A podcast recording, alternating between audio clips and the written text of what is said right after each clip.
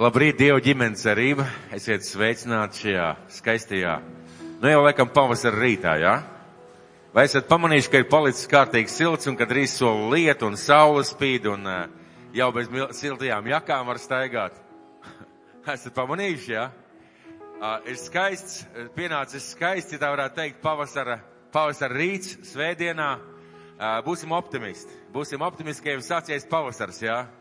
Daudziem nepatīk ziema, bet uh, es zinu, ka citiem patīk ziema. Nu, bet laiks ir tāds, kāds viņš ir, tāpēc paldies Dievam par tādu laiku, kāds viņš ir. Esiet sveicināti šodien šeit, Dieva ģimenē cerība, draudzē cerība.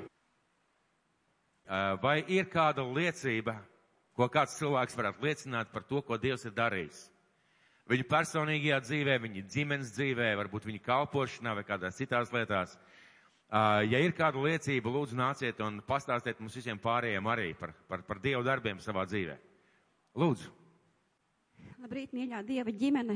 Dievs ir labs un Viņš vēlās, lai mēs par viņu liecinātu, par to, kāds Viņš ir, ka Viņš ir dzīvs un ka Viņš atbild uz mūsu lūgšanām. Un Viņš jau patiesībā mums ir devis divus instrumentus - lūkšanas un vārdu. Lūkšanas, ka mēs tuvojamies viņam un vārdu, ka viņš runā uz mums. Un patiesībā visa mūsu ikdiena, visa mūsu dzīve sastāv no mazām lietām. Mums ir svarīgi, es jau esmu vairākas reizes teikusi, ka mums svarīgi tad ikdienā, tādīs mazās lietās ieraudzīt Dievu, ja, ka viņš ir viss apkārt, viņš mums palīdz. Un viņš tikai viens lūkšanas attālumā. Mana pirmā liecība varbūt ir par to, kad par Aleksītu mans dēls mācās mājās tālmācībā, un viņam bija eksāmena pārbaudas darbi un viņam bioloģija ļoti nepatīk un nepadodās, un pirmo reizi viņš viņu tā kā kārtoja, viņš viņu nenokārtoja, viņš nolika uz trīnieku, un, protams, viņš sabēdājās, viņš teica, māmas, es tev teicu, ka es neko neprotu, un es nemāku, un es nevaru, un es nenolikšu, bet mēs lūdzām Dievu, un paldies Dievam, ka viņam Dievs deva šo spēku atkal uh, caur internetu skolotāju uzrakstīt, ka viņš vēlās viņu pārkārtot, un skolotāji atsūtīja dienu datumu, kad viņš var viņu pārkārtot, un, Un mēs lūdzām Dievu, un, uh, kā jūs domājat, viņš nokārtoja uz astoņu, un viņš pats teica, māma, es nezinu, no kā, kā es to varēju izdarīt, bet tas bija Dievs, tas ir Dievs, un viņš atbild uz mūsu lūgšanām.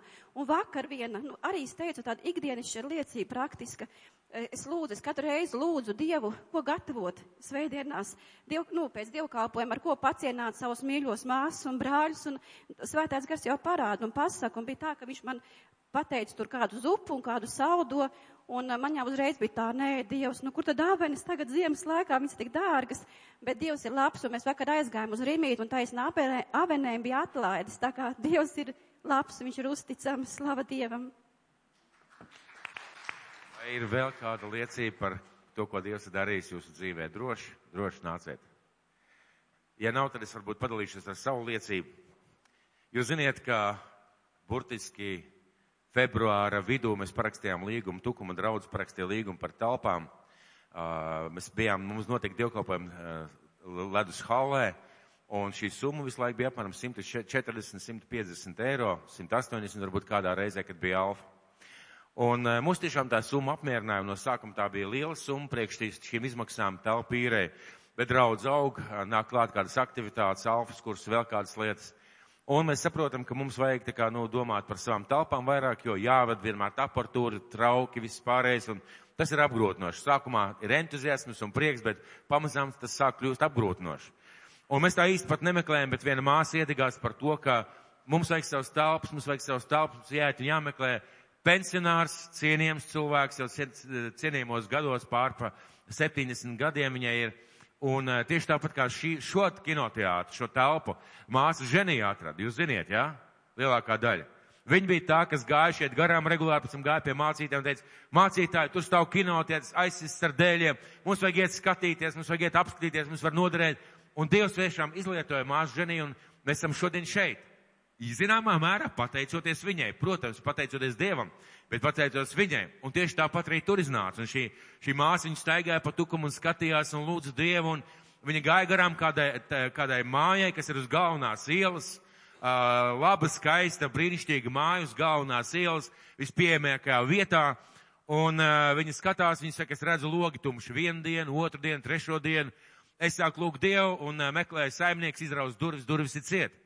Un tad viņi aizgāja uh, otrā stāvā, tur ir izīrēts telps un uh, dabūja telefons, sazvanījās un uh, satikās ar šo saimnieci, sākas šīs te sarunas, mēs tikāmies arī ar viņu. Un tiešām mums šī summa ir 550 eiro, un klāt vēl tika pieīrēta virtuvīte, šobrīd kaut kāds 600 eiro. Un summa liekas liela. Priekš tā, ka mēs maksājam 140 eiro, šobrīd ir 160 eiro, bet draudzi, nu jau draudzi var nosekt šos izdevumus un var darboties. Un pēc tam bija tādas brīnišķīgas lietas, ka tas viss notika decembra beigās. Un mums joprojām ir 140 eiro un liekas jocīgi, Ja tev prasa 140 eiro un tu vari izīrēt labas telpas, kur siltums, elektrība, viss ir nokārtots, un tad tev 600 eiro jāierē kādā citā vietā, nu liekas tā, tā summa tik milzīga, un bija kāds cilvēks teica, nē, nē, nē, priekš kam mums tas vajadzīgs, mums tas nav vajadzīgs. Bet šī māsa lūdza Dievu un tiešām tā kārtojas, mēs jutām, mēs aizgājām, apskatījāmies vienreiz, aiz, apskatījāmies otrreiz, apskatījāmies trešo reizi, un mēs droši arī apnikām saimniecei. Bet mēs pamazām sapratām, ka mums ir jādodās uz turieni.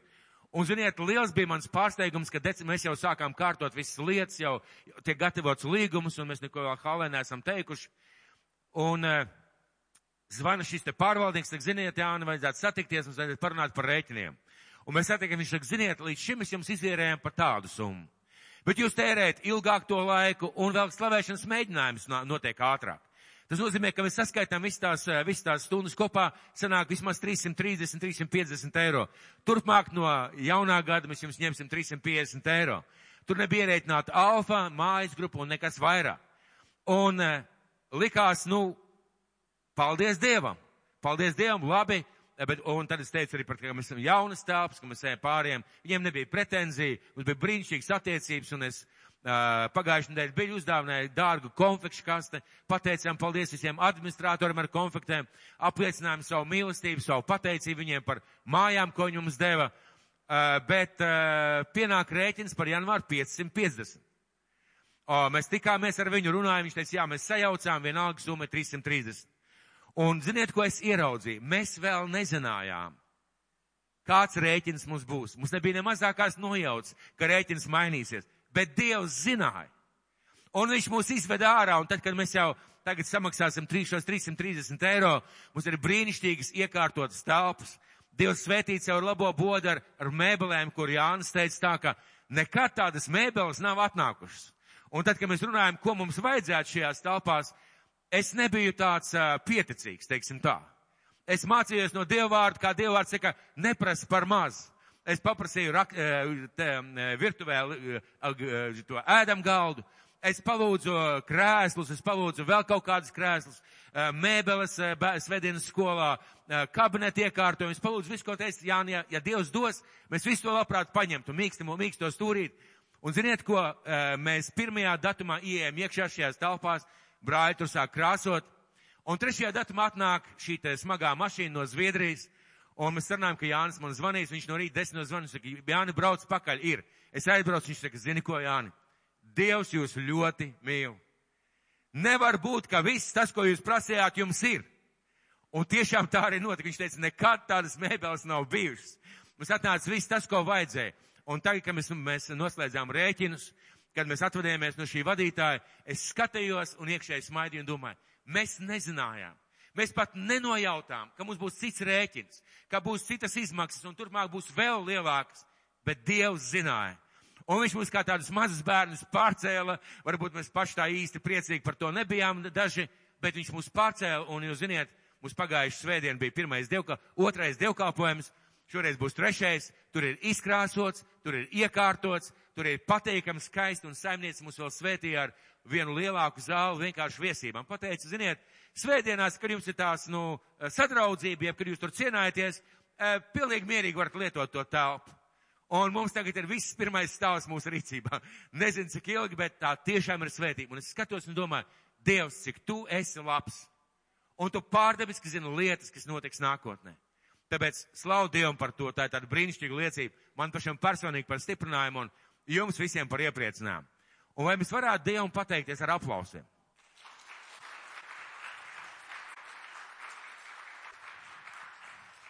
Un ir tā, ka mēs gatavosim tādu telpu svētīšanas, nezinu, atklāšanas dievkalpojumu, kad viss būs kārtībā, mēs noteikti taisīsim, mēs aicināsim visu Rīgas draugu ciemos pie viņiem. Lai viņiem vienreiz pietrūkst vietas zālē, labi? Tur, tur jau tā ir kāds 10-15 vietas tikai liekas, bet kad mēs aizbrauksim, Tad, lai viņi redz, cik daudz Dievu bērnu, ja? lai saprot, ka vajag lielākas telpas. Un Dievs deva arī tādu pravietisku vārdu vispār par tām telpām. Es šodien gribētu dalīties ar vārdu, cik svarīgi ir pazīt Dievu. Cik svarīgi ir pazīt Dievu. Cik ir svarīgi pazīt Dievu. Un es domāju, ka viss, kas tic Dievam, teiks, amen, ir svarīgi pazīt Dievu, pareizi? Bet cik svarīgi, cik svarīgi ir pazīt Dievu un pazīt Dievu personiski un pazūt viņu tā, tajās sfērās un tajās lietās, ko viņš dara mūsu dzīvē. Tātad cik svarīgi. Un pirms es gribu dalīties, es gribētu uh, lūgt Dievu kopā ar jums. Mīļais dabas tēvs, mēs stāvam tev priekšā. Kungs, un mēs tev pateicamies par tavu vārdu. Kristu, tā ir tiešām patiesība, tas, ko tu esi teicis, ka tavs vārds ir gaisma uz mūsu ceļiem. Mēs tēvs tev pateicamies par to, ka savā, caur savu vārdu un svēto garu tu mums atklāja nākotni. Tu mums atklāja lietas, tu mums atklāja savu sirdi, savu prātu.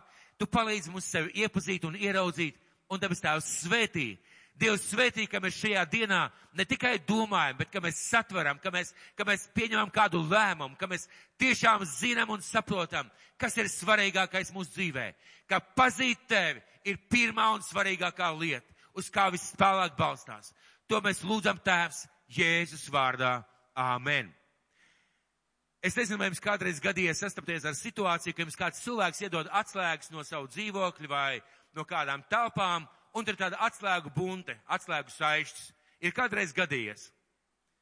Ir kādreiz gadījies, ja cik viegli ir atrast, ar kuru atslēgu atslēgt durvis. Ir ārkārtīgi neviegli. Pareizi, sevišķi, ja durvis slēdzās netik vienkārši, ir jāzina, kurā mirklī ko pakustināt, kurā mirklī ko pagriezt. Un reizēm tā, ka saimnieks pienāk, saka, dod es pamēģināšu, un viņš atslēdz. Mums šodien no rīta bija tāda situācija. Māsa Anita nevarēja dabūt durvis vaļā, bet es jau biju saskāries ar šo lietu. Un es zināju, ka tur vajag vienkārši paknibināt, pagrozīt, un ka viņas var dabūt vaļā. Un es dabūju šīs atslēgas, šīs durvis vaļā. Kāpēc? Jo es zināju vai pazinu šīs atslēgas niķi. Vai jums ir kādreiz tie, kas ir šoferi gadījušies braukt ar mašīnu, kura ir absolūti, absolūti paklausīga savam saimniekam, un tikai saimnieks zina visus tos niķus un knifus. Ir gadījies? Ir gadījies kādreiz braukt? Kārlis māja ar galvu, man arī ir gadījies braukt. Tu brauc un neiet, un kaut kas glāb, un kaut kas nestrādā, un pēc tam tu zvani saimniekam vai, vai runā saimnieku, klausies, tur tas un tas, jā, jā, zini, tur tāds vadiņš, tur vajadzēja piespiest to, tur vajadzēja varbūt izslēgt, izslēgt uh, motoru braucot, un tad atkal ieslēgt, un tā mašīna atkal aiziet. Un uh, tas liecina tikai par to, ka, lai braukt ar svešu mašīnu, mums viņi ir jāpazīst, pareizi? Un tieši saimnieks vislabāk pazīst ir vēl kāda lieta, kā tiek vērtēta mākslas darba. Tas kā piemēra, ko es gribētu teikt. Redziet, kad vērtē gleznas, gleznas vai kaut kādus tādus darbus, kas ir tādi taustām vai skatāmi darbi, tad, lai saprastu, vai tiešām tas ir šis īstais autors, kas ir parakstījies, vai par ko tiek uzdots, tiek lietotas dažādas metodas. Pārbauda krāsas vecumu, audekla vecumu, vispār varbūt kaut kādas lietas no šīta darba, tā tīri tehniskā veidā, bet viena no svarīgākajām lietām, kas tiek skatīt un tiek pārbaudīt, un tikai eksperti to var pateikt, vai tas ir šī mākslinieka rokraksts. Vai tas, tas, tas otrs vilciens, vai tā tehnika, kurā šis mākslinieks ir strādājis, un izrādās, ka tas ir viens no ļoti svarīgiem rādītājiem, pat ja uh, krāsas vecums atbilst, pat ja atbilst kaut kādas tehniskās lietas, Svarīgākā lieta ir, vai, vai, vai šis da, mākslas darbs nes šī mākslinieka rokrakstu. Un pēc tā bieži tiek noteikts, vai tas ir oriģināls, vai tā ir vienkārši kopija. Un jūs pat varat uzzīmēt perfekti šo darbu kā fotografiju, bet speciālists pateiks, nav tas opa, otrs triepien, triepiens. Man ir bijusi kādreiz saskarē ar kogriezumiem, un, ziniet, ir milzīga starpība, vai kopgriezumu, kā šodien to dara taisa ar mašīnu, vai cilvēks griež ar roku. Nezinu, vai jūs kādreiz par to esat domājuši. Mums vienkāršiem cilvēkiem liekas, jo perfektāk izgriezt, jo labāk. Pareizi? Jo precīzāk, jo perfektāk, jo vienādāk izgriezt, jo labāk. Bet ziniet, kur ir tas smeķis? Mākslinieka rokas grieziens. pat kā tu kaltu griez, pat kāds nav tas vilnis, tas viss piedod šo garšu un īsts mākslas darbs, īsts kogriezums, viņš vienmēr atšķirās un labs speciālists, viņš nekad negriež perfekti. Jūs varat aiziet, paskatīties vecās mēbeles, krēslus vai, vai bufets un ieraudzīsiet, ka, ja tas ir bijis labs mākslinieks, viņš nav vienkārši centies tehniski uztaisīt. Viņš ir ielicis savu raksturu, savu triepienu, savu griezienu iekšā, un tu saproti, ka tas ir perfekts, ka tas ir kaut kas tāds, kas ir īpašs. Un, protams, ka tehnisks darbs vienkārši uz mašīnas izgriezts, viņš ir precīzs, viņš ir skaists, viņš ir ar glanci, bet viņš nekad nebūs šī mākslinieka darbs. Un viņš nekad nebūs tik vērtīgs kā mākslinieka darbs. Kāpēc es par to runāju? Jo, ja mākslas darbu var pazīt pēc rokraksta, vai tas ir šis e, mākslas darba autors, ja kaut kādas mašīnas atslēgas mēs bieži saprotam, ka mums ir jāpazīst, lai mēs to varētu lietot, cik svarīgi ir dziļi un personīgi pazīt Dievu. Cik svarīgi ir pazīt Dievu, kas ir mūsu dzīves centrā. Cik svarīgi ir pazīt, kā viņš rīkojās, ko viņš dara, kāds viņš ir, lai varētu pastāvēt, lai varētu rīkoties pareizi, lai nenomaldītos, lai, lai reaģētu uz notiekošo pareizā veidā, lai uzvarētu kādās cīņās un lai mācītos un lai mācītu pareizi. Lai mācītos un lai mācītu pareizi. Un sevišķi svarīgi, mīļie, tas ir šajos laikos, kad ir tik daudz dažādu maldu mācību, kad ir tik daudz dažādu ideju par to, kas ir Dievs, kāpēc Dievs un kādā dieva, veidā Dievs. Jūs zināt, ka šobrīd ļoti pasaulē populārs ir humānisms.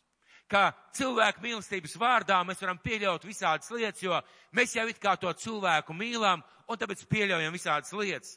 Liberālisms var tā un var tā, var tā un var tā, un nav nekādas starpības filozofija bieži vien mūsu attiecībās ar Dievu ienāk filozofija, ka cilvēki filozofē un izdomā, jūs ziniet tos pēdējos notikumus par kādu ļoti, nu jau populāru grāmatu, esat dzirdējuši? Visa lielākā daļa ir dzirdējuši, pareizi. Un kas ir pārsteidzoši, ka cilvēki, kuri definē sevi par kristiešiem, viņi saka, nu var jau arī tā. Tas, kas pilnībā neatbilst Dieva gribai, Dieva vārdam, tas, kas pilnībā neatbilst, neatbilst Dieva raksturam, cilvēks saka, var jau arī tā. Nu, redz, mēs dzīvojam laikā, kad mēs domājam, mēs skatāmies, un es gaidīju, kā vadītāji, es gaidīju, ka daudz kristiešu iestāsies, iestāsies par šo te, par to, par mūsu, mūsu kristīgā radio prezidentu. Es gaidīju, ka būs kaut kādas sabiedrības, kristīgās sabiedrības rezonance, ir kaut kāda rezonance, bet tie, kuriem vajadzēja piecelties un pateikt, šis vīrs pareizi runāja, jo runa gāja nevis par cilvēku mīlestību vai humānām vērtībām, runa gāja par to, ko šī grāmata māca un kā viņa tiešām novērš cilvēks no dieva un no dieva ceļiem. Un cilvēkiem vajadzēja iestāties, cilvēki neiestāja, un taisn otrādi viņi pateica, nu mēs jau tā nedomājam, bet nu var jau arī tā. Un tas tiešām man bija pārsteigums.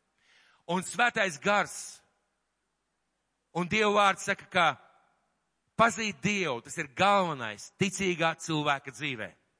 Pazīt Dievu, tas ir galvenais ticīgā cilvēka dzīvē.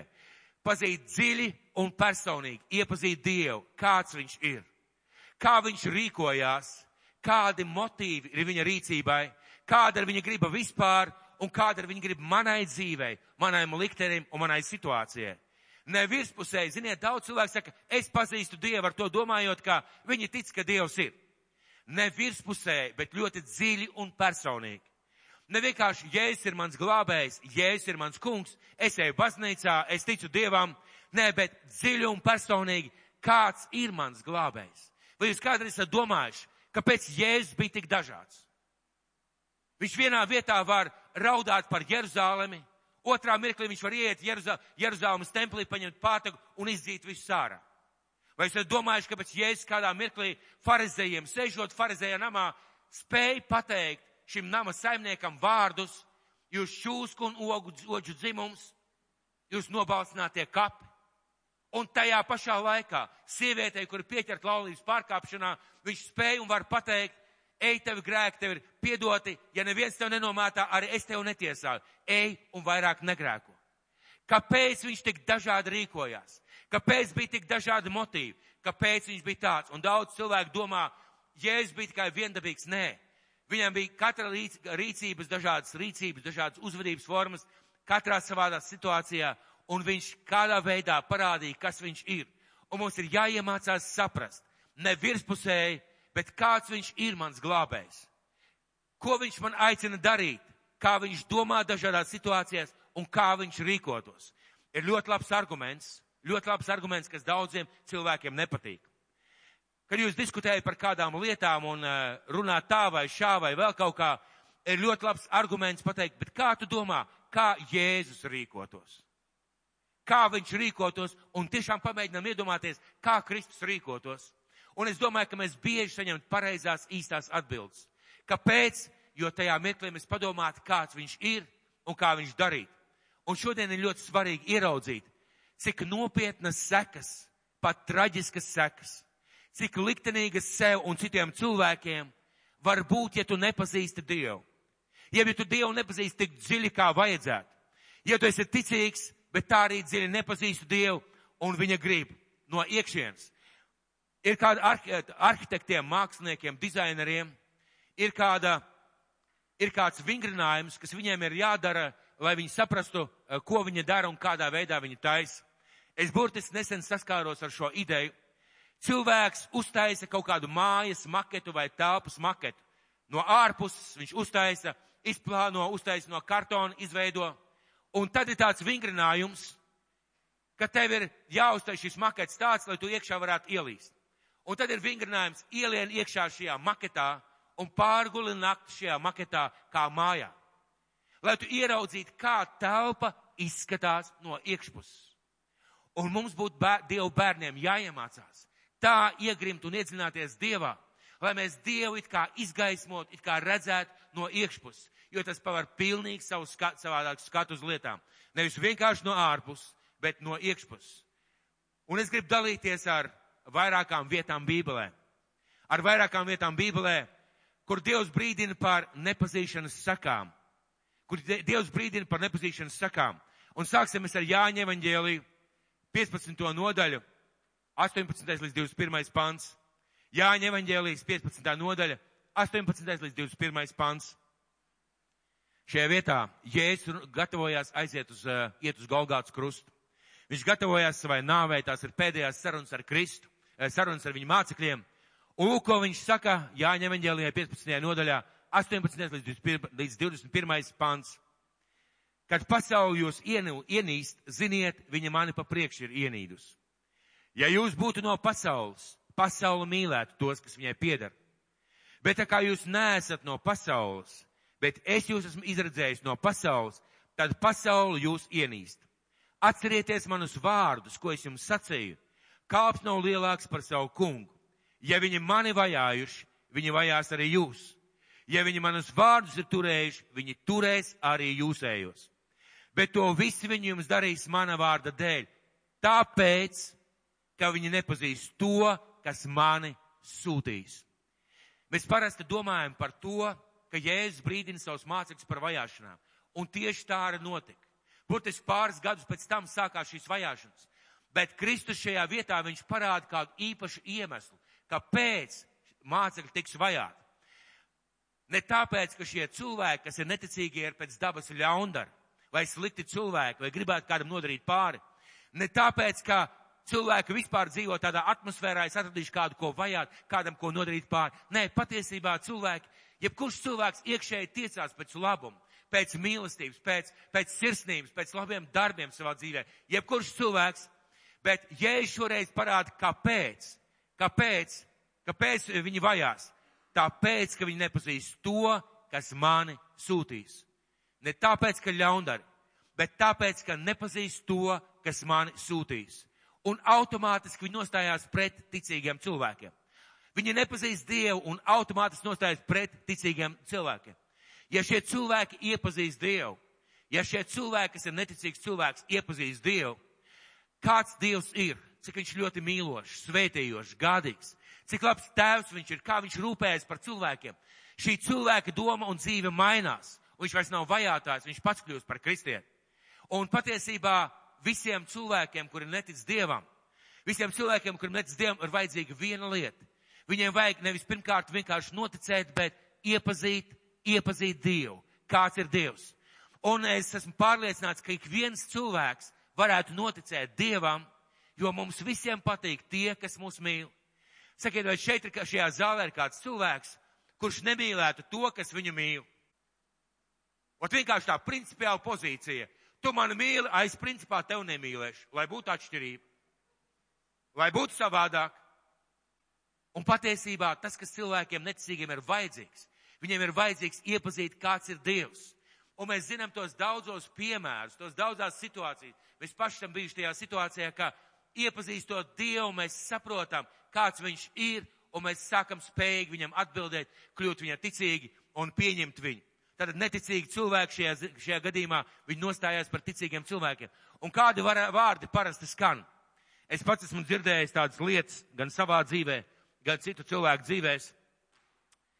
E, katru svētdienu jau nav jāiet uz baznīcu. Es jau neesmu tāds fanātiķis. Nu jā, jā, jūs, jūs, jūs tie sektanti, jūs tur tā viss, viss pēc Dieva vārda, viss no Dieva vārda, kā kāds pazīstams teologs teica. Jums jau tā, tā formula ir apmēram tāda. Jūs tā kā visu to patiesību ieliekat pudelītē, saķerat rokā, šī ir patiesība, ar to es dzīvoju. Bet var taču arī savādāk. Ir taču plaša pasaule. Un, protams, ka nostājās pret, nostājās pret patiesi ticīgiem cilvēkiem, kur īstenībā, zināmā mērā, tas ir tāds paradoks, jo ticīgi cilvēki mīl neticīgus cilvēkus. Ticīgi cilvēki grib svētīt, palīdzēt, kaut kādā veidā eh, dot šo cilvēku dzīvē kaut ko labu, un izrādās, ka cilvēks nostājās par ticīgiem cilvēkiem, pret kristiešiem vieniem uz pēc. Viņš nepazīst Dievu un automātiski kļūst par šī cilvēka ienaidnieku. Bet vai ticīgo cilvēku iespaido tas, bet vai ticīgo cilvēku iespaido tas, cik ļoti viņš pazīst Dievu? Kā jūs domājat? Vai ticīgu cilvēku iespaido tas, cik ļoti viņš pazīst Dievu? Vai arī iespējams tas, ka ja es ticu Dievam, ja es kalpoju Dievam, un Jēzus ir mans kungs, vai tas, kā es pazīstu Dievu, iespaido manu dzīvi vai neiespaido? Vai tas iespaido, ko es daru, vai tas, ka neiespaido? Un es gribētu iet tālāk uz Jāņa evaņģēliju pirmo nodaļu. Tātad 15. nodaļa, ja es runāju par to, ka pasaule nostāsies pret jums, ka pasaule nostāsies pret kristiešiem, un lai cik jocīgi tas nebūtu, visos laikos tā ir bijis. Šodien it kā nav vajāšana pareizi un kristieši var brīvi pulcēties, tikties, slavēt Dievu, pagodināt, bet pamēģiniet kaut kur pateikt, kas ir patiesība par cilvēku dzīvesveidu vai vēl kādām lietām. Jūs ieraudzīsiet, ka neticīgi cilvēki nostājās pret mums un Bībele saka, visādas lietas vēl gaidāms priekšā. Bet šodien es gribētu runāt par to, cik bīstami ir ticīgam cilvēkam nepazīt Dievu. Un 16. nodaļa, pirmais pants. Ja es tad 15. nodaļā runāju par to, ka neticīgi cilvēki nostāsies, jo nepazīst Dievu. Un 16. nodaļa, pirmais pants līdz 4. pants. To es jums esmu runājis, lai jūs nekristu apgrēcībā. Tie jūs izslēgs no draudzes, un nāks stunda, kad tas, kas jūs nonāvēs, domās, ar to Dievam kalpojas. Bet to viņi darīs tāpēc, ka tie nav atzinuši ne Dievu, ne mani. Bet to viņi darīs tāpēc, ka tie nav atzinuši ne Dievu, ne mani. Un īstā vārda nozīme atzinuši ir pazinuši. Un reiz, ja es runāju par savām vajā, par vajāšanām, kas tai gaida ticīgus cilvēkus no draudzes vidus. Pirms tam viņš runāja, pasauli jūs nemīlēs, pasauli jūs ienīdīs, pasauli jūs vajās un pasauli jūs nesapratīs. Šobrīd varbūt pasaulē ir tā fāze, kad neticīgi cilvēki vienkārši nesaprot ticīgus cilvēkus. Vienkārši nesaprot. Viņi liekas muļķīgi, fanātiski, jocīgi, bet tur nav nekādas pretīm stāvēšanas tāds vardarbīgi, vismaz dēļ civilizētajā pasaulē. Mēs zinām, kas notiek Sīrijā, zinām, kas notiek Ķīnā, dažādās citādās valstīs, tur ir daudz, daudz savādāk. Bet pie mums vienkā, vienkārši nesaprot. Vienkārši nesaprot tos ticīgos. Uh, viņi ir kaut kādi fanātiķi. Bet skatieties, par ko šeit iet runa. Jēzus no neticīgās pasaules, kas vajās, viņš pāriet uz to, ka draudzes cilvēki būs tie, kas vajās tos, kas pazīst Dievu. Un skatieties, vēlreiz izlasīsim, to es jums runāju, lai jūs nekrist apgrēcībā. Tie jūs izslēgs no draudzes, un nāk stunda, ka tas, kas jūs nonāvēs, domās ar to Dievam kalpojas. Bet to viņi darīs tāpēc, ka tie nav atzinuši ne Dievu, ne mani. Tātad tie būs draudzes cilvēki. Tie būs cilvēki, kas būs draudzē. Tie būs cilvēki, kas iespējams sludinās dievkalpojumos. Tie būs cilvēki, kuri nesīs kādu garīgu autoritāti, būs bīskapi, vadītāji, arhibīskapi, mācītāji. Tie būs cilvēki, kam būs kaut kāda autoritāte, kaut kāda teikšana par visām lietām. Tie būs ticīgi cilvēki, kas ticēs Dievam. Kas ticēs Dievam un dedzīgi gribēs kalpot Dievam. Un dedzīgi gribēs kalpot Dievam. Jo, ja tev ir vienalga, kas notiek draudzē vai vienalga, kā citi tic, tad tu vienkārši, nu man ir vienalga, es neko nedaru. Šeit rakstīts, ka viņi izslēgs no draudzes. Būs kaut kāda darbība. Šeit rakstīts, ka, ka nāks dienas, ka tie, kas jūs nonāvēs domās, ar to Dievam kalpojam. Šie cilvēki dedzīgi aizstāvēs Dievu. Šie cilvēki dedzīgi cīnīsies par Dievu un pat tik tālu, ka būs gatavi nogalināt kādu. Ko darīs un kāpēc? Tāpēc, un Jēzus šeit pasaka, Tāpēc, ka tie nav atzinuši ne Dievu, ne mani. Tas nozīmē, ka Dieva nepazīšana noved pie dedzības par Dievu, pie greizsirdības par Dievu, kas ir pilnīgi pretēji Dieva gribai, Dieva dabai, Dieva nodomiem. Un degot par Dievu, par ticību, cilvēks kļūst par Dieva ienaidnieku un ar savu rīcību pat sāk noliegt Dievu. Ar savu rīcību pat sāk noliegt tās lietas, kuras Dievs ir konkrēti pateicis. Un es gribētu minēt kādu, kādu piemēru no vēstures. Vai jūs esat dzirdējuši par krusta kariem? Esat dzirdējuši noteikti pareizi. Vismaz vārds jums ir pazīstams. Un vispār ir bijuši pasaulē 11 krusta kari, kad baznīca aicināja cilvēkus, kas ticīgus cilvēkus, bruņiniekus dažādu, no dažādiem slāņiem, iet un karot par Kristu. Iet un karot par to, lai iekarotu svēto teritoriju, lai atbrīvotu Jeruzālemi no neticīgiem, Un kur ir tā traģēdija? Traģēdija ir varbūt ne tajā apstākļā, ka baznīca tā aicināja, ja ka baznīca tā mācīja, jo tas bija pret Dievu gribu. Ziniet, kur bija traģēdija? Tie cilvēki, kas gāja, viņi atstāja ģimenes, viņi atstāja sievas, bērnus, savus laukus. Viņi gāja ar svētu pārliecību, ka Dievs viņus aicina ņemt rokās zobenus un nogalināt visus neticīgos. Viņi bija tik pārliecināti, ka viņi atdeva savas dzīves. Un, ja jūs lasītu vēsturi, jūs ieraudzojat, Jeruzalemes teritorija tiek ieņemta, tiek zaudēta, tiek ieņemta, tiek zaudēta, un tūkstošiem cilvēku dzīves vienkārši tiek izdzēsts. Par ko? Šie cilvēki nepazina Dievu. Viņi nepazina Dieva gribu. Viņi klausījās, ko viņiem teica, bet viņi nepazina, ko Dievs par šīm lietām domā un kādā veidā viņš rīkojās. Un tā mīļie ir traģēdija. Tā ir traģēdija, ka cilvēks, kurš tic Dievam, viņš apmierinās ar to līmeni, Jēzus ir Kristus, Jēzus ir mans kungs, es eju baznīcā, es kalpoju Dievam, bet viņš nepazīst Dievu no iekšpuses. Viņš nepazīst Kristus motīvus, Kristus lietas, un mēs šodien skatāmies uz krusta kariem un pilnībā droši varam teikt, nē, tā nebija Dieva griba. Jēzus neaicināja nevienu ņemt zobanu un iet kādam sedot pa galvu. Jēzus neaicināja nevienu zemi iet iekarot Jēzus vārdā. Viņš neaicināja nevienu pienaglot krustā vai nogalināt tikai tāpēc, ka viņš ticēja savādāk. Jēzus neaicināja vispār tā, bet nelaim tā, ka šie cilvēki darīja to un nesaprata, kāpēc viņi to dara.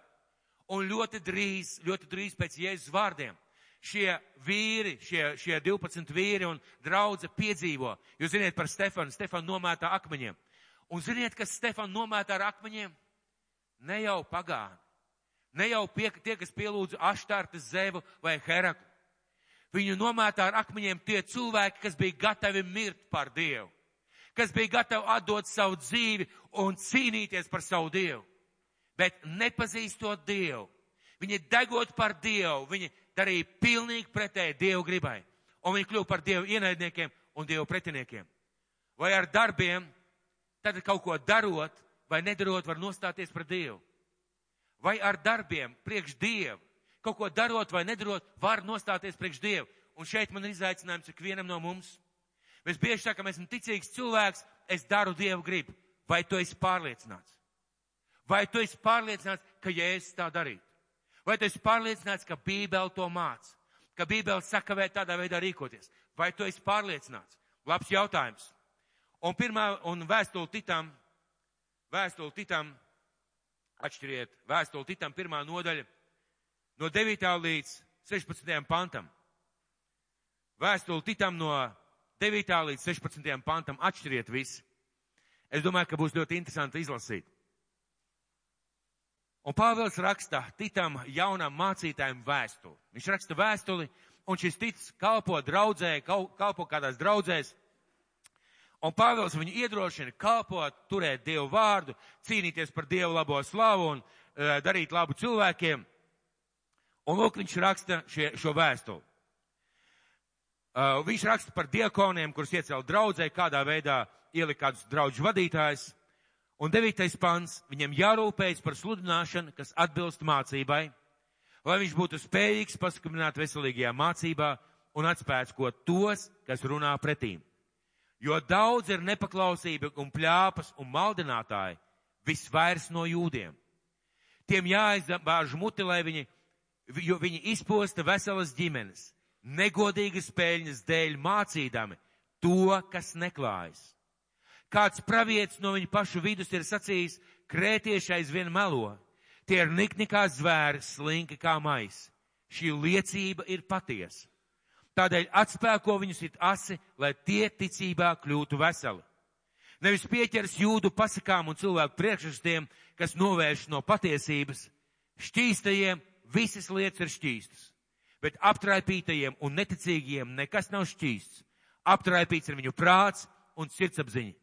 Tie apgalvo, ka pazīstot Dievu, bet darbos to noliec. Neganti un nepaklausīgi būdami, tie nav derīgi nevienam labam darbam. Un viņi dara Dieva, eh, dieva pēc, pēc, domājot Dieva darbus. Viņi cīnās par Dievu, viņi dara Dievu lietas, bet izrādās, ka viņu darbība ir nevis par Dievu. Tie apgalvo, ka pazīstot Dievu, bet darbos to noliec. Kāpēc? Kāpēc cilvēks darbos var noliegt Dievu? Ja viņš nepazīst Dievu dziļi no iekšpuses un nepazīst, kāds Dievs ir un kā Dievs skatās uz lietām. Un neiet runa par svētībām, ka šie cilvēki nepiedzīvo svētības. Neiet runa par to, ka varbūt viņi nedaudz maldās vai runā ne tā vai māca ne tā. Pāvils šeit saka, viņi ar saviem darbiem noliec Dievu. Ja mēs paskatāmies vēsturē, mēs ieraugam daudz tādus piemērus. Ja mēs paskatāmies savā personīgajā dzīvē, mēs arī varam ieraudzīt, ka mūsu darba reizēm iet pretrunā ar Dievu gribu un prātu, un mēs ar saviem darbiem varam noliegt Dievu. Un jautājums ir, kāpēc? Ne tāpēc, ka mēs esam ļaundari vai gribam to darīt. Ne tāpēc, ka mēs uh, vienkārši iespītējamies vai esam lepni. Mēs ļoti bieži nezinām, kāda ir Dieva griba. Ko Dievs grib, kā Dievs skatās uz lietām kā viņš rīkojas šajā vai tajā situācijā, mēs vienkārši nezinām. Un ja es runāju arī par pēdējām dienām, jūs ziniet, ka būs otrā Kristus atnākšana, jūs ziniet, ka pirms tam būs dažādas zīmes un notikumi un uh, pasauli mainīsies, dabas apstākļi mainīsies, uh, ģeopolitiskais stāvoklis mainīsies, daudz dažādas lietas. Un pēdējās dienās pirms Jēzus atnākšanas būs laika, kad ienaidnieks centīsies novērst cilvēkus no ticības. Bet kādā veidā? Tas nebūs tā. Netic Dievam, Dieva nav. Neticiet Dievam, Dievu vienkārši nav. Viņš centīsies tos cilvēkus, kuri nepazīst Dievu, aizvilkt projām no patiesā Kristus. Pasniegt, pasniegt uz, uz tādas labas brīnum paplātas kaut kādus viltus praviešus. Un Jēzus brīdina, caur šiem vārdiem mēs varam ieraudzīt, cik ārkārtīgi svarīgi ir pazīt Dievu. Un Mateja evaņģēlijas 24. nodaļa, 3. līdz 5. pants. Mateja evaņģēlijas 24. nodaļa no 3. līdz 5. pantam. Un pēc tam 24. līdz 11. pēc tam 23. līdz 25. Es gribētu jūs visus mīļie palūgt atšķirt savus bībeles, kam ir, kam nav skatieties šeit, bet sekosim visiem, visiem līdzi. Jo tas bija tas, ko Kristus runāja par pēdējiem laikiem, un manuprāt, tas ir ļoti, ļoti nopietni un 24. nodaļa no 3. līdz 5. pantam. Un viņam uz eļas kalnu sēžot, mācekļi piegāja pie viņa atsevišķi un sacīja, saki mums, kad šīs lietas notiks un kāda būs tavas atnākšanas un pastara laika zīme. Un ja es atbildēju tiem un sacīju, pielūkojiet, ka neviens jūs nepieviļ.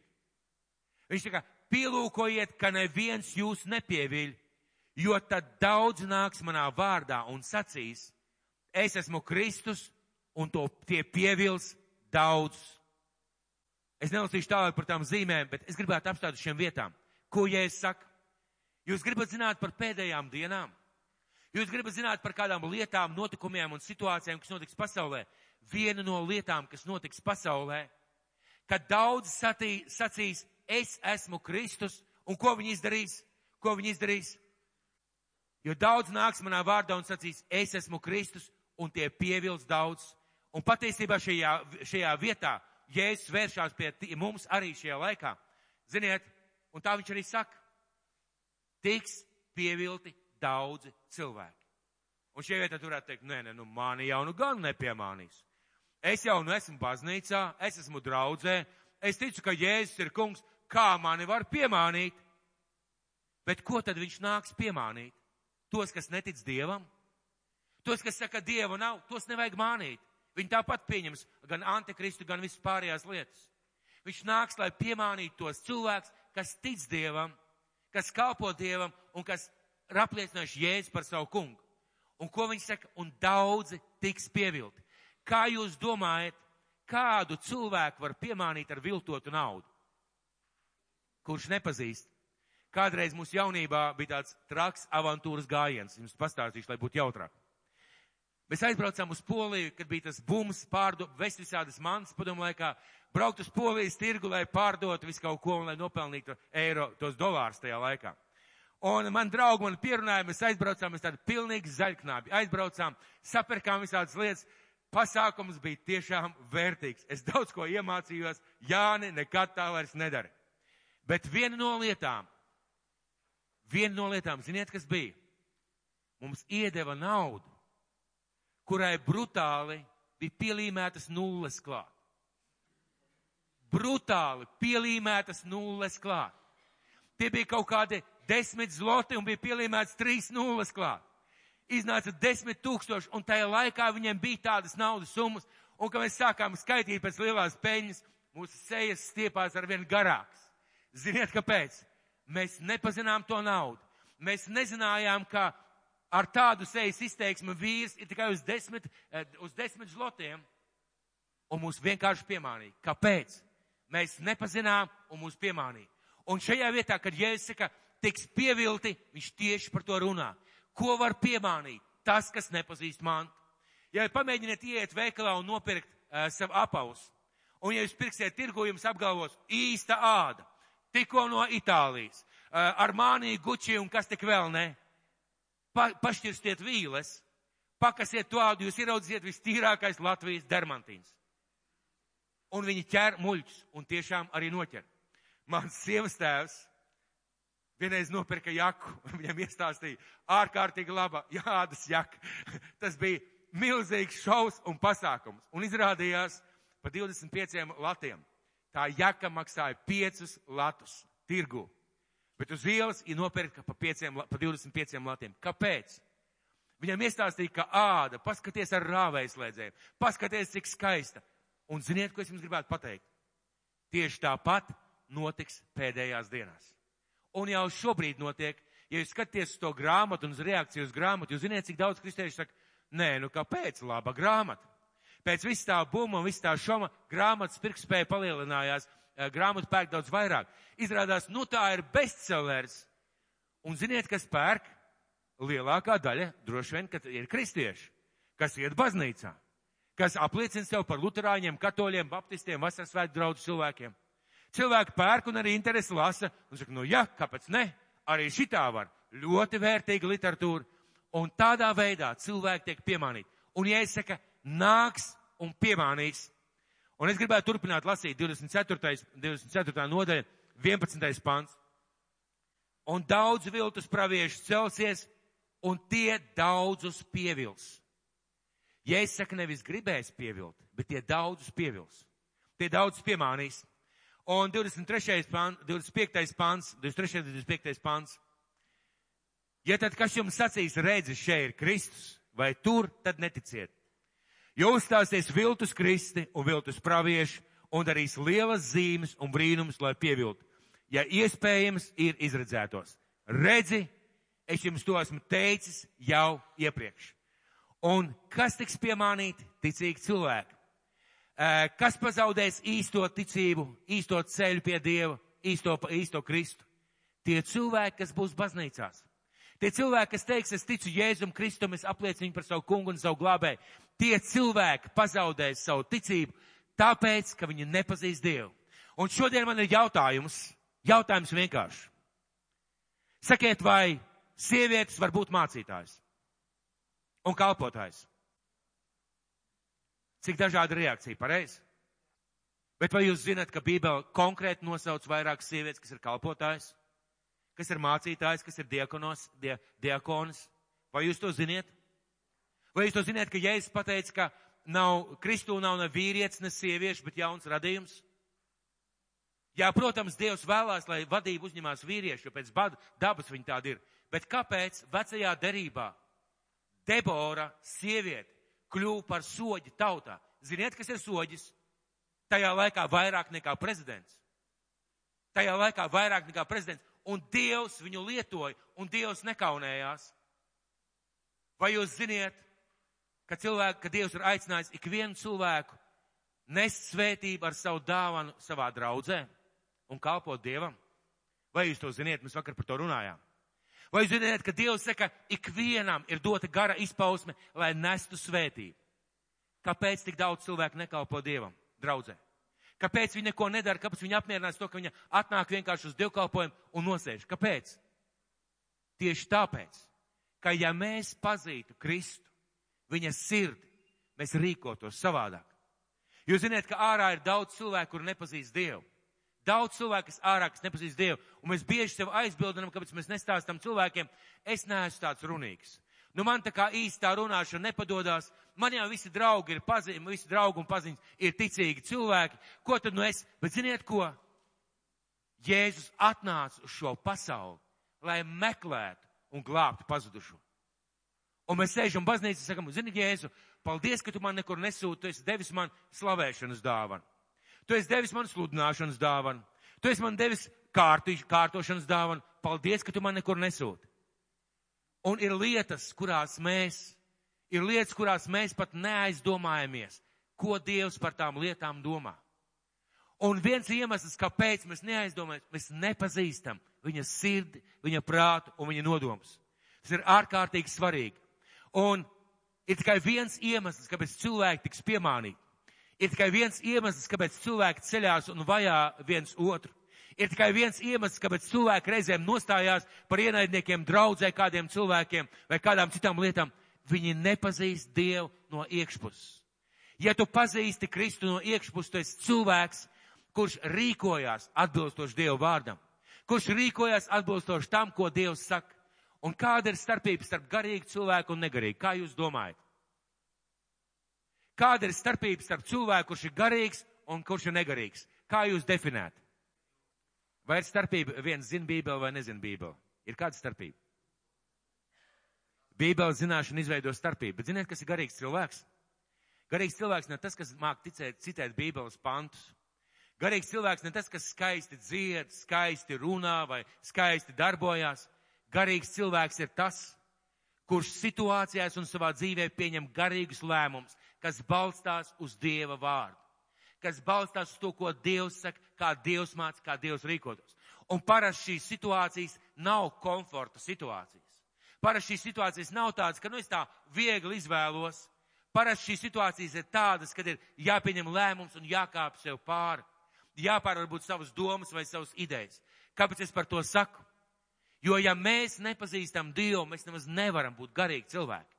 Un ja es šeit skaidri pasaku, ka būs cilvēki, kas degot par Dievu, kļūst par Dievu ienaidniekiem. Un mēs redzam, vēsturē tā ir noticis. Ir cilvēki, kas deg par Dievu un šķeļ draudz. Ir cilvēki, kas deg par Dievu un dara pilnīgi nepareizas lietas, runā par cilvēkiem, izturās par cilvēkiem nepareizi. Ir cilvēki, kas deg par Dievu un dara nepareizas lietas. Kāpēc? Jo vienkārši nepazīst Dievu no iekšienes. Ja, ja katrs neticīgais cilvēks, ja viņš veltītu laiku vienkārši izlasīt Bībeli, izlasīt jauno derību, ja viņš ar interesi domātu, Dievs, kāds tu esi, un ja tu esi atklājies man, šis cilvēks nekļūtu par draudu svajātāju. Ja ticīgi cilvēki iedziļinātos Dievu vārdā un meklētu, Dievs, ko tu dari, kāds tu esi un kā, kādā veidā tu rīkojies šajā vai tajā situācijā, es domāju, mēs bieži un daudzkārt rīkotos savādāk. Bet slavu Dievam, slavu Dievam par to, ka Dievs devis mums apsolījumu. Jūs zināt, mums nav jāpaliek tajā stāvoklī, Dievs man vajadzētu tevi iepazīt. Dievs devis mums apsolījumu, ka ja mēs viņu meklēsim, mēs viņu arī atradīsim. Viņš ir devis aicinājumu iepazīt Dievu ļoti dziļi un personīgi. Viņš ir devis uzdevumu, ka mēs varam Dievu iepazīt. Un vēstulē un, un uh, Jeremijas grāmatā 29. nodaļa, 11. 14. pants. Jeremijas grāmata 29. nodaļa, 11. līdz 14. pants. Un kāds no mums, un arī mēs varbūt daži varētu teikt, Dievs, bet ja tu tik ļoti gribi, lai es tevi iepazīstu, nu tad izdara kaut ko, lai es tevi iepazītu. Un pirmā lieta, ko Dievs izdara, viņš skaidri pasaka, ja tu mani meklēsi, ja tu veltīsi tam laiku, ja tava sirds būs atvērta meklēt un saprast manu gribu savā dzīvē, tu to piedzīvos un tu to ieraudzīsi un tu to tu iemācīsies. Un Jeremijas grāmata 29. nodaļa, 11. pants, jo es zinu, kādas manas domas par jums, saka tas kungs, miera un glābšanas domas, un ne ļaunuma un ciešana domas, ka es jums beigās došu to, ko jūs cerat. Kad jūs mani tad piesauksiet, es jums atbildēšu. Kad jūs nāksiet un mani pielūksiet, es jūs paklausīšu. Kad jūs mani meklēsiet, jūs mani atradīsiet. Ja jūs no visas sirds mani meklēsiet, es būšu atrodams. Tas nozīmē, ka bumba ir mūsu pusē. Ja Jēzus veltīja savu dzīvi, ja vēl, Jēzus veltīja savu dzīvību tam, lai cilvēki iepazītu Dievu, lai cilvēki varētu dzīvot Dievu pēc Dieva gribas un prāta un nodomu, lai cilvēki būtu svētīti, tas nozīmē, ka mums šī iespēja ir, ka mēs to varam izdarīt, ka mēs varam sasniegt šīs lietas, ko Dievs mums tādā veidā māca. Tas nozīmē, ka mums katram un ikvienam ir iespēja. Un vēstule ebrejiem 8. nodaļa 10 līdz 11. Vēstule ebrejiem 8. nodaļa 10 līdz 11. Tie vārdi no vecās derības, ko Dievs pateica tajā laikā, pirms vēl Kristus bija nācis pasaulē, piedzimis un cietis. Un lūk, ko viņš vēsto ebriem no, 10, 10, no 8. nodaļā, no 10. panta saka. Šī ir tā derība, ko es celšu Izraēla namam pēc šīm dienām, saka tas kungs. Es likšu savus baušus viņu prātā, un tos rakstīšu viņu sirdīs, un būšu viņiem par dievu, un viņi man būs par tautu un viņi nemācīs katrs savu tuvāko un brālis brālis sacīdams, atzīsti to kungu, jo visi mani pazīs no mazā līdz lielajam viņu starpā. Lūk, viņš saka, es likšu savus baušus viņu sirdī, prātā un rakstīšu savu gribu viņu sirdī. Ko tas nozīmē? Tas nozīmē, ka tad, kad cilvēks veltīs uzmanību, lai iepazītu Dievu, kad cilvēks meklēs, eh, veltīs uzmanību, lai saprastu, kāds Kristus ir, ka tas būs tas mirklis un moments, kad Dievs liks savus baušus viņa prātā, jo tas nenotiek vardarbīgi. Dievs liks savus baušus, viņa rakstīs uz viņa sirds, un viņš būs par Dievu viņam, un viņi būs par viņam tautu.